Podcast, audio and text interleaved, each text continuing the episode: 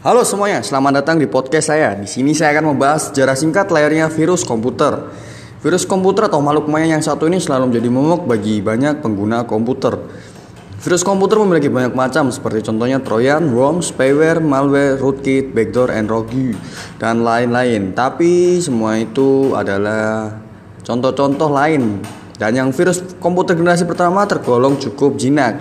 Contohnya virus Creeper pada tahun 1971 pada saat belum ada jaringannya global. Virus ini cuma menampilkan pesan I'm a creeper, catch me if you can, merupakan eksperimen berbahaya dalam dunia komputasi yang terkarantina di jaringan rumah atau creeper hanya terdapat di sistem operasi 10X.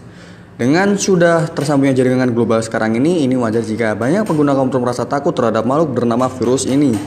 Persebaran virus umum melalui instalasi software atau perangkat lunak atau saat pengguna mendownload mengunduh file dari internet. Cara lain persebarannya adalah ketika pengguna mengklik iklan. Terima kasih.